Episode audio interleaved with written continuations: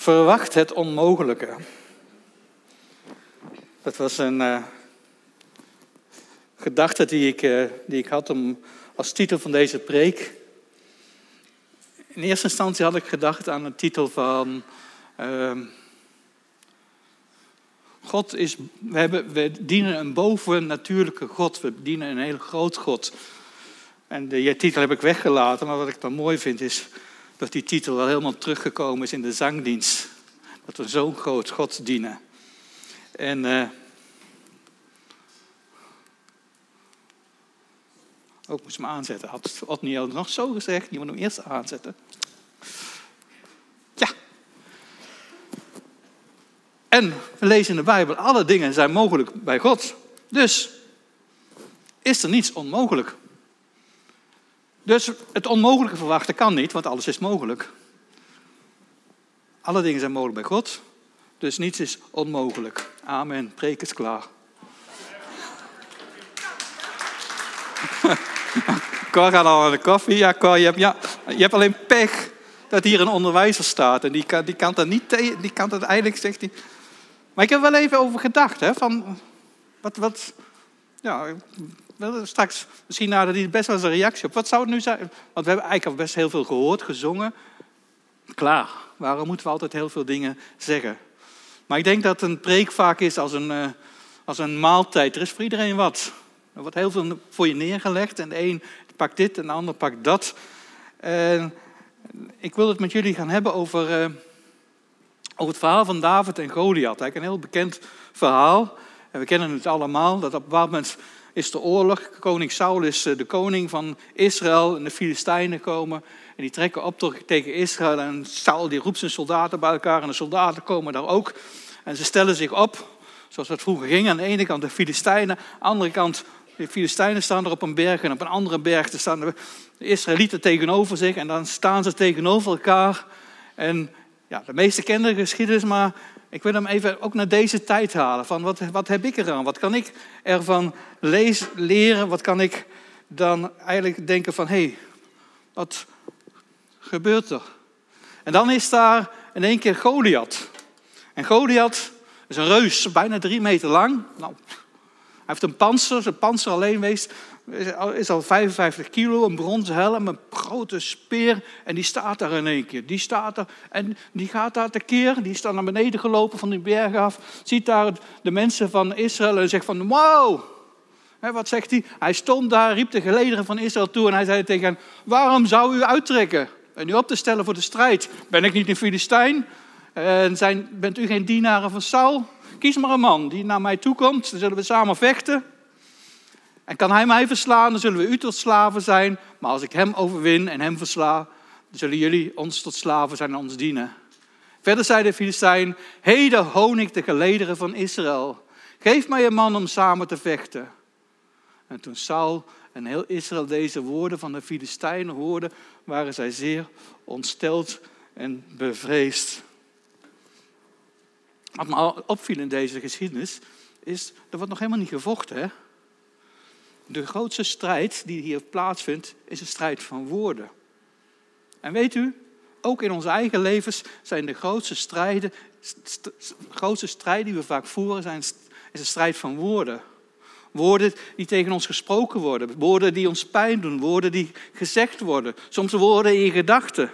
Dat is de strijd. Er is heel weinig echt de strijd dat er echt om iets gevochten moet worden. Heel vaak is de strijd, gaat er om, om woorden. En ook hier. We lezen nog dat hij elke ochtend en elke avond dat hij daar was. Ja, s'morgens en s'avonds. Zijn dat niet de momenten ook in onze leven, s'morgens als je wakker bent en s'avonds als alles weer voorbij is, dat er van alles door je gedachten heen gaan, allerlei woorden die je eigenlijk bang willen maken, die je onderuit willen halen, die willen zeggen van, nou, de tegenstander is toch wel sterker. En we lezen dan dat er zijn drie broers van David, die zijn ook bij de soldaten. En de vader van David die zegt van, ga jij maar eens naar je broers toe, ga ze wat te eten en te drinken brengen. Ga eens kijken met, hoe het met ze is. Want het duurde al een tijdje, 40 dagen lang, elke dag kwam die Filistijn, elke morgen, elke avond kwam hij daar en riep hij diezelfde dingen. En de mensen waren bevreesd, ze waren bang. En dan, dan is daar, komt daar David bij zijn, bij zijn broers en die, die hoort dat ook en die, die denkt gelijk van, hé, hey, wat gebeurt er dan? Toen zei David bij de mannen die bij hem stonden, even wat zal men een man doen die deze Filistijn verslaat of de smaad van Israël afwendt? Want wie, wie is deze onbesneden Filistijn dat hij de gelederen van de levende God durft te tatten? David heeft een hele andere kijk op de situatie. Die wordt niet bevreesd, die kijkt niet naar het reusachtige, die kijkt niet naar van wat er allemaal gebeurt. Die ziet, hey, hier gebeurt iets tegen God. Hier gebeurt iets tegen, niet alleen tegen Israël, hier gebeurt iets tegen God. En daar gaat David op in. Het volk gaf hem hetzelfde antwoord. Je kreeg een hele beloning. Ik ga dat niet allemaal lezen. Je kon met de dochter van Saul trouwen. En je werd, eh, kreeg heel veel eer als je die reus zou verslaan. En dan is Eliab, zijn oudste broer, die zegt, waar ben je nou mee bezig? Eliab, zijn oudste broer, die hem tot die man hoorde spreken, ontstak in woede tegen David en zei, wat ben je nou eigenlijk gekomen? En onder wiens hoede heb je die paar schapen in de woestijn gelaten? Ik ken je overmoed en slechtheid van je hart, want je bent gekomen om het vechten te zien. Is het soms ook niet zo dat als wij met problemen zitten en als we steun zoeken, dat juist onze broers en zussen soms nog een duw nageven van ja, is toch je eigen schuld dat het gebeurt? Dan had je toch anders moeten reageren? Wat kom je nou eigenlijk doen? Wat denk je nou eigenlijk wel? Maar David, die geeft niet op. David gaat door. En hij vraagt aan verschillende mensen en Saul die krijgt het te horen. En Saul die denkt van nou, misschien is dit wel iemand die die reus kan komen verslaan. Dus hij zegt, nou laat maar even bij me komen. Dus Saul is daar en David komt er naartoe. Nou, ik denk dat Saul toen die David zag komen, denkt van, nou, moet hij? Moet hij het verslaan? Is hij degene die onze redding kan geven? Dat, dat ventje, dat kereltje? Maar David is wel overtuigd van zichzelf. Eigenlijk niet van zichzelf, hij is overtuigd van God. Want hij zegt tegen, tegen Saul, van je moet eens even goed luisteren. Want Saul zegt van ja, een reus heb je daar wel, van, maar hoe gaat het dan verder? Uw heeft zowel leeuw als beer verslagen. En zo zal deze onbesneden Filistijn, zoals een van hen, omdat hij de gelederen van de levende God gehoond heeft. En verder zei David, de Heer die mij uit de klauwen van de leeuw gered heeft en uit de klauwen van de beer, die zal mij redden uit de hand van deze Filistijn. Toen zei Saul tegen David, ga heen. De Heer zei met je. Vervolgens kleedde Saul David met zijn eigen kleren, zette een bronzen helm op zijn hoofd, deed hem een harnas aan. En David gordde zijn zwaard aan over zijn kleren en wilde gaan. Hij loopt daar met het harnas van, van Saul en moet ik zo die reus tegemoet? Ik, ik weet niet hoe dat werkt. Hij kreeg nog het zwaard van Saul, lezen we. En hij zei, nee, ik kan hier niet lopen, want ik ben ongeoefend. En David deed ze weer uit. Deze tekst, dit, dit verhaal kreeg ik een aantal weken geleden al in mijn gedachten om met jullie te delen. Want hoe vaak is het niet, als wij de strijd aan willen gaan, als we het gevecht aan willen gaan, dat goed bedoelde adviezen komen van je broers of zussen. Van, ja, kom maar, trek je harnas maar aan. Zo vaak zoeken we de vleeselijke oplossing voor het probleem. En dat is wat de Heer vanochtend heel bijzonder in ons midden wil leggen. Zoek niet de vleeselijke oplossing, zoek de geestelijke oplossing. Hoe vaak gebeurt het niet als iemand ziek is, zegt hij, beroerd, oh, ben jij bij de dokter geweest? Dat is een van de eerste dingen die we zeggen. Oh, ik ken een goede therapeut of ik ken een goede therapie. Of je moet eens dit of dat proberen. Allemaal vleeselijke oplossingen. Ga eerst naar de Heer toe. Zoek, zoek het bij Hem. Laat je niet een harnas aanmeten wat je denkt van, ah, hier kan ik niet meer uit de voeten. Want het, de strijd is niet aan ons, de strijd is van de Heer. En het kan best zijn, als je voor iets gaat bidden, iemand komt met een probleem en gaat bidden, dat je in gedachten krijgt, het is goed om naar de dokter te gaan. Maar het is wel de goede volgorde. Niet eerst naar de dokter en daarna bidden. Eerst bidden. Eigenlijk geldt het voor iedere situatie. Eerst bidden. En dan komt de rest. En dat zien we hier ook bij, bij David. En dat is eigenlijk ook van, je laat je niet gelijk een harnas aandoen van wat je zou moeten beschermen. Want er is maar één iemand die kan beschermen, dat is de Heer. Er is maar één iemand. En daarom was die titel ook, we hebben een bovennatuurlijk God. Wij verwachten heel vaak natuurlijke oplossingen. Maar we zien in de Bijbel zo vaak dat God bovennatuurlijke dingen kan doen. En zo, zien we dat ook bij David. En David die wist wat, wat God voor hem was. Hij had al ervaring, dat zei hij ook. Ik heb leeuwen en beren verslagen. Zijn broer deed een beetje, beetje denigrerend over, oh, heb je die schaapjes, die heb je achtergelaten. Maar die schapen die waren alles voor hem geweest. Hij had gemerkt, als er een leeuw of een beer kwam, hij kon ze verslaan. Hij had ervaring in zijn leven opgedaan, dat met God, dat hij de, de kwade kon overwinnen. Heb jij die ervaringen? Hebt u die ervaringen al in je leven gedaan, opgedaan? Want die ervaringen helpen je om als straks de reus komt, om die ook te verslaan. Zegt, de Heer was altijd met mij. En hij zal ook nu met mij zijn. Want dat is, dat is een God die dat belooft. Psalm 27 zegt, zegt David, de Heer is mijn licht en mijn heil, voor wie zou ik vrezen? De Heer is mijn levenskracht, voor wie zou ik angst hebben? Toen kwaaddoeners op mij afkwamen om mijn leven te verslinden, verslinden mijn tegenstanders en mijn vijanden, ze struikelden zelf en vielen. Al belegerde mij een leger, mijn hart zou niet vrezen. Al brak er een oorlog tegen mij uit, toch vertrouw ik hierop. Eén ding heb ik van de Heer verlangd. En hier, toch vertrouw ik hierop. Dat ik mag wonen in het huis van de Heer al de dagen van mijn leven. Om de liefelijkheid van de Heer te aanschouwen en te onderzoeken in de tempel. David had ontdekt dat dat het belangrijkste was. Eerst bij God komen. van daaruit kende hij geen vrees. Het, vanmorgen waren we ook aan het bidden en toen zei Gerrit ook, ja, de liefde drijft de vrees uit. De liefde van God, zijn nabijheid, drijft de vrees uit en helpt je om niet te vrezen. We kennen allemaal reuzen in ons leven die soms op ons afkomen. Dat je denkt, ah, wat moet ik ermee? Maar vrees niet, want God is met ons en God is sterker. En zo, zo gaat David erop af. Zonder harnas, met zijn slinger, met zijn stenen. Die Filistijn die ziet hem daar aankomen, die staat die ziet die David aankomen, zo'n klein ventje. En zegt van, ben ik soms een hond? Dat je met stokken naar me toe komt? En de Filistijn vervloekte David bij zijn goden. En daarna zei de Filistijn tegen David, kom maar naar me toe. Dan zal ik je vlees aan de vogels geven. En aan de dieren in het veld. Maar David zei tegen de Filistijn, u u komt naar me toe met een zwaard, een speer en een werpspies. Maar ik kom met u, naar u toe in de naam van de Heer van de legermachten, de God van de gelederen van Israël, die u gehoond hebt. Dat is het grote verschil. Je hebt geen zwaard, geen speer, heb je helemaal niet in eerste instantie nodig. Je hebt God nodig, de Heer van Israël.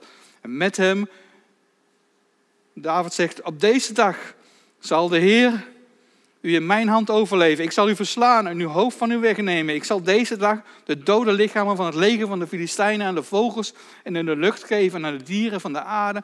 En heel de aarde zal weten dat Israël een God heeft. En deze hele gemeente zal weten dat de Heer niet door zwaard of speer verlost, want de strijd is van de Heer. Hij zal u in onze hand geven. De strijd is van onze Heer. En de hele gemeente, wij ook met z'n allen, zullen weten dat God niet verlost door zwaard of speer maar door zijn kracht. Hier zien we weer die woordenstrijd waar ik het al eerder over had. De Filistijn Goliath probeert indruk te maken. Hij zegt hele nare dingen. Oh, je vlees aan de vogels geven en alles. Nou, als je daar als mens staat, dan zou je daar staan te bibberen en te beven. Zo'n grote reus tegenover je met zo'n groot harnas. En dan nog de dingen die hij zegt. Hoeveel dingen worden in je leven gezegd dat je staat te beven of te bibberen en dat je denkt van, nou, hier kan ik niks, niet tegenaan. Ook de woorden die weer gesproken worden. Want dat probeert de tegenstander altijd, je door de woorden naar beneden te drukken, zo ver mogelijk, zelfs tot onder het putdeksel, dat je er niet meer onderuit komt. Maar David kent God, hebben we gelezen. Hij zocht hem, hij wilde graag in de tempel zijn, hij wilde hem zien van aangezicht tot aangezicht. En als je zo'n relatie met God hebt, dan weet je, ik hoef niet bang te zijn. God heeft alles in mijn hand. Ook mijn leven, mijn hele leven is in Gods, hand. De strijd is van de Heer. Laten wij ophouden met strijden. In ons vlees, in onze eigen kracht. Want dan verlies je altijd. Maar strijd is van de Heer. We weten hoe het afloopt. Dat ga ik allemaal niet met u lezen, maar tenminste, ik neem aan dat iedereen weet hoe het afloopt. David met zijn slinger, hij slingert zijn steen. Ja? En de Filistijnen staan op de vlucht. En ze, eh, de Israëlieten gaan erachteraan. En de overwinning wordt behaald. En zo is dat. Iets wat geen mens had kunnen bedenken. Zo'n klein steentje, zo'n klein ventje. Dat de reus verslagen zou worden. Heeft God gedaan. Er staan veel meer verhalen in de Bijbel. We kennen Gideon met 300 man tegen een heel leger. En verslagen wordt. Ja? Het wordt zomaar. Jozua, die grote stad, hij loopt er zeven keer omheen en de stad, de muren vallen in puin. Zoveel verhalen staan er in de Bijbel waarin God ingrijpt en waar hij laat zien: het is niet mijn strijd. Dat bedoel ik, dat mijn strijd, maar het is Gods strijd. Dat God zegt van, ja, ik, het is mijn strijd. En het is zo belangrijk dat we het gaan aanpakken. Oh. Het staat ook in de Bijbel in, in het Nieuwe Testament. Hè? Paulus zegt dat hier tegen de Corinthiërs. Want al wandelen wij in het vlees, wij voeren geen strijd naar het vlees. De wapens van onze strijd zijn immers niet vleeselijk, maar krachtig door God tot afbraak van bolwerken. En ik weet dat, ik ken die tekst. En als ik dan eerlijk ben, dan denk ik, oh Bert, waarom reageer je nou zo vaak in het vlees? Waarom ga je het nou op die manier weer oplossen? Dat is toch niet de manier waarop het werkt? En ik leer gelukkig steeds meer en steeds vaker om het geestelijk op te lossen. Ik heb het meegemaakt met iemand die, die heel boos en na tegen me deed. En, eh, maar allerlei dingen verweet die eigenlijk allemaal helemaal niet eerlijk waren. Wat eigenlijk niet klopte. En dan is je vleeselijke, denk je van, nou, wat denk je wel? Je moest het weten. Maar de Heer die bracht me tijd te binnen, hou nou gewoon je mond dicht. Wees stil. En in stilte ging ik verbidden. Ik ging de machten bestraffen die er gebruik van maakten. En ik ontmoette diezelfde persoon dus een tijdje later weer. En het was helemaal goed. Ik hoefde niet mijn eigen strijd te leveren. God had die strijd geleverd. Ik had het aan God gegeven. Ik had het in gebed bij hem gebracht. En hij gaf de overwinning. Onze strijd is niet vleeselijk. Maar daar moeten we wel in oefenen. Want net wat je zegt. Zo vaak dat je weer even denkt. Maar oefen je, maak je er sterk in. Want wij breken valse redeneringen af. Die redeneringen, valse redeneringen. Ik zei het al, de strijd is zo vaak de woorden. Woorden in je hoofd, woorden die tegen je gesproken worden. Woorden die je leest, die je ziet, die wat je op tv ziet. Maar die breken we af, die valse redeneringen. En elke hoogte die zich verheft tegen de kennis van God. En wij nemen elke gedachte gevangen om die te brengen onder, tot de gehoorzaamheid aan Christus. En zegt Paulus, en wij staan gereed om elke ongehoorzaamheid te bestraffen, zodra uw gehoorzaamheid compleet is. Het is zo mooi, mensen. Het is zo goed. Soms ook zo lastig, maar het is wel de waarheid. Ik moest ook denken naar. Uh... Het is heel belangrijk dat we bedenken dat God zegt: Mijn gedachten, dat, die, dat zijn niet onze gedachten. De gedachten van God zijn zoveel groter, hoger, machtiger, zo geweldiger dan wat wij kunnen denken. En wij vergeten dat soms. Ik wel tenminste. Want ik, zit, ik mag nu hier boven staan en die preek houden. Maar eigenlijk is het iets wat, ik deze week weer zo heb geleerd van mezelf. En wat ik eigenlijk gewoon met jullie wil delen. Van, ja, bedenk nou eens dat God zo groot is. Zo, zo, hè? We hebben het zo gezongen. Van, ja, hij, is, hij is de Allerhoogste. En die gedachten van God over ons, die zijn zo mooi, hè? Ik immers, zegt hij, ik ken de gedachten die ik over u koester, spreekt de Heer. Het zijn gedachten van vrede en niet van kwaad, namelijk om u een toekomst en hoop te geven. Dan zult u mij aanroepen en heen gaan. U zult tot mij bidden en ik zal naar u luisteren. U zult mij zoeken en vinden wanneer ik naar me vraagt, nou zult vragen met heel uw hart. Dat zijn de gedachten van God. En dat wil hij geven. Is zo belangrijk dat we dat met elkaar ook realiseren. Ik moest ook nog denken, naar aanleiding van de, de verkiezingsuitslag, dat we half Nederland lag helemaal... Oh, Geert Wilders gewonnen. En ik hoor een heleboel mensen roepen, wat nu, wat nu, wat gebeurt er nu? Ik las een stukje. Was een kerkelijk leider, stond, uh, zag ik op internet, een bekende man, ik heb die naam maar even weggelaten. Uh, die zegt van, uh, die spreekt van een dramatische verkiezingsuitslag. Laten we eerst beginnen bij de uitslagen van de christelijke partijen. Ik lag nog net niet te huilen, maar we doen niet meer mee. Zo eerlijk moeten we zijn. We zijn toeschouwers geworden. Vooral het forse verlies van de CDA, liefst tien zetels, beschouwt hij als een klap die volgens hem ook gevolgen heeft voor christelijk Nederland. Via het CDA en in mindere mate CU hadden we nog een beetje de illusie van controle, waarbij je dingen kon sturen of tegenhouden. Nu staan we echt aan de zijlijn. Denk dan, deze man heeft er nog niet zoveel van begrepen. Wat is er voor onzin dat aan de zijlijn staan? We staan midden in het front. We staan, we staan, we staan er middenin. En ja, in het begin hadden ze de illusie dat ze nog wat konden betekenen, de christelijke partijen. Nou, of je nou zes zetels hebt of drie zetels, de invloed die je eigenlijk hebt op het geheel is maar heel weinig. Maar de invloed die de Heer heeft op het geheel, wauw, dat is, dat is immens groot. Dat is niet aan de zijlijn staan, dat is midden, middenin staan. Het is toch gewoon onzin dat we nu toeschouwers zijn geworden.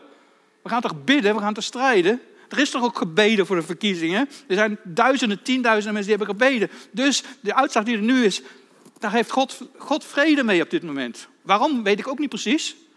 Maar ik geloof dat God de dingen in zijn hand heeft. Die heeft ook de verkiezingen in zijn hand. En om nu te zeggen van nou, dan zou je, zou je wel heel veel afdoen aan de kracht van God. Ja, als, als de tegenstander sterker is. We lezen genoeg verhalen in de Bijbel van een Nebuchadnezzar die zich moest verantwoorden voor God. Een, een, macht hebben die helemaal niks van God wilde weten. Maar uiteindelijk zag hij wie God was. Een Esra die eigenlijk door, de, door Darius, was dat geloof ik, nou, terug mocht gaan naar Jeruzalem. En Nehemia die terug mocht gaan van de koning naar Jeruzalem. God bewerkt dat in koningen. En God kan ook in Geert Wilders zo werken dat het zal zijn tot eer en glorie van zijn naam. Het gaat niet om of we nou we staan niet in de zijlijn. En dat geldt ook voor ons leven. We staan niet aan de kant. We staan niet in de zijlijn. Je staat vooraan en de reus staat tegen je te roepen van jij gaat verliezen. Maar wij mogen zeggen, met de Heer zal ik winnen. Zal ik overwinnen. Wat ik wel mooi vond, ik las van de week even nog over die verkiezingen. Er is een groep mensen in Den Haag. En er is een hele, eigenlijk een hele grote groep mensen. Er is een, uh, die bidden 50 uur per week al, wordt er voor de regering gebeden. Elke dinsdagmiddag is er een groep mensen die in de Tweede Kamer aanwezig is, op de publieke tribune, die daar zitten te bidden. Die daar bidden. Ik denk, ja, die hebben veel meer invloed als die paar zetels van die, van die christelijke partijen. Want gebed, dat is de kracht. En dat moeten we ons veel meer gaan beseffen. En als we beseffen hoe groot en hoe sterk God is, dan, dan, dan we hebben het in het begin, dan kunnen we bergen verzetten, zei Jezus. Als je het geloof hebt als een mosterdzaad, kun je tegen de berg zeggen, ga daarheen. En hij zal gaan. Dus ik geloof van een mosterdzaad, ja, ik durf het niet, ik kan het niet. Dan moeten we met net als die man zeggen van, Heer, ik geloof, maar kom mijn ongeloof te hulp. En dat zal de Heer dat doen. Maar het is wel belangrijk dat we de juiste stappen daarin zetten. Deze, ik ga hem maar niet helemaal lezen. Maar je moet hem eens lezen thuis, Jezaja 40. Weet u het niet? Hoort u het niet? Is het van het begin af aan bekendgemaakt? Hebt u niet gelet op het fundament van de aarde? Hij die zetelt boven de omtrek van de aarde, waarvan de bewoners als sprinkhanen zijn. Hij is het die de hemel uitspant als een dunne doek en uitspreidt als een tent om te wonen. Hij is het die vorsten maakt tot niets, rechters van de aarde maakt tot leegheid. En ga maar even door. God heeft het in mijn hand. God, de schepper van hemel en aarde. God bepaalt of iemand een machtige positie heeft of niet. God heeft alle dingen in de hand. En dat is onze God, onze Vader. En Hij zorgt voor ons. In de openbaringen staat, en ze zongen het lied van Mozes, de dienstknecht van God. En het lied van de Lam met de woorden, groot en wonderbaarlijk zijn uw werken, heren, almachtige God rechtvaardig en waarachtig zijn uw wegen, koning van de heiligen. We hebben een almachtige God. En almacht betekent dat hij alles kan. Dat hij zo sterk is. En die God dienen we. Waarom zouden we dan nog bang zijn?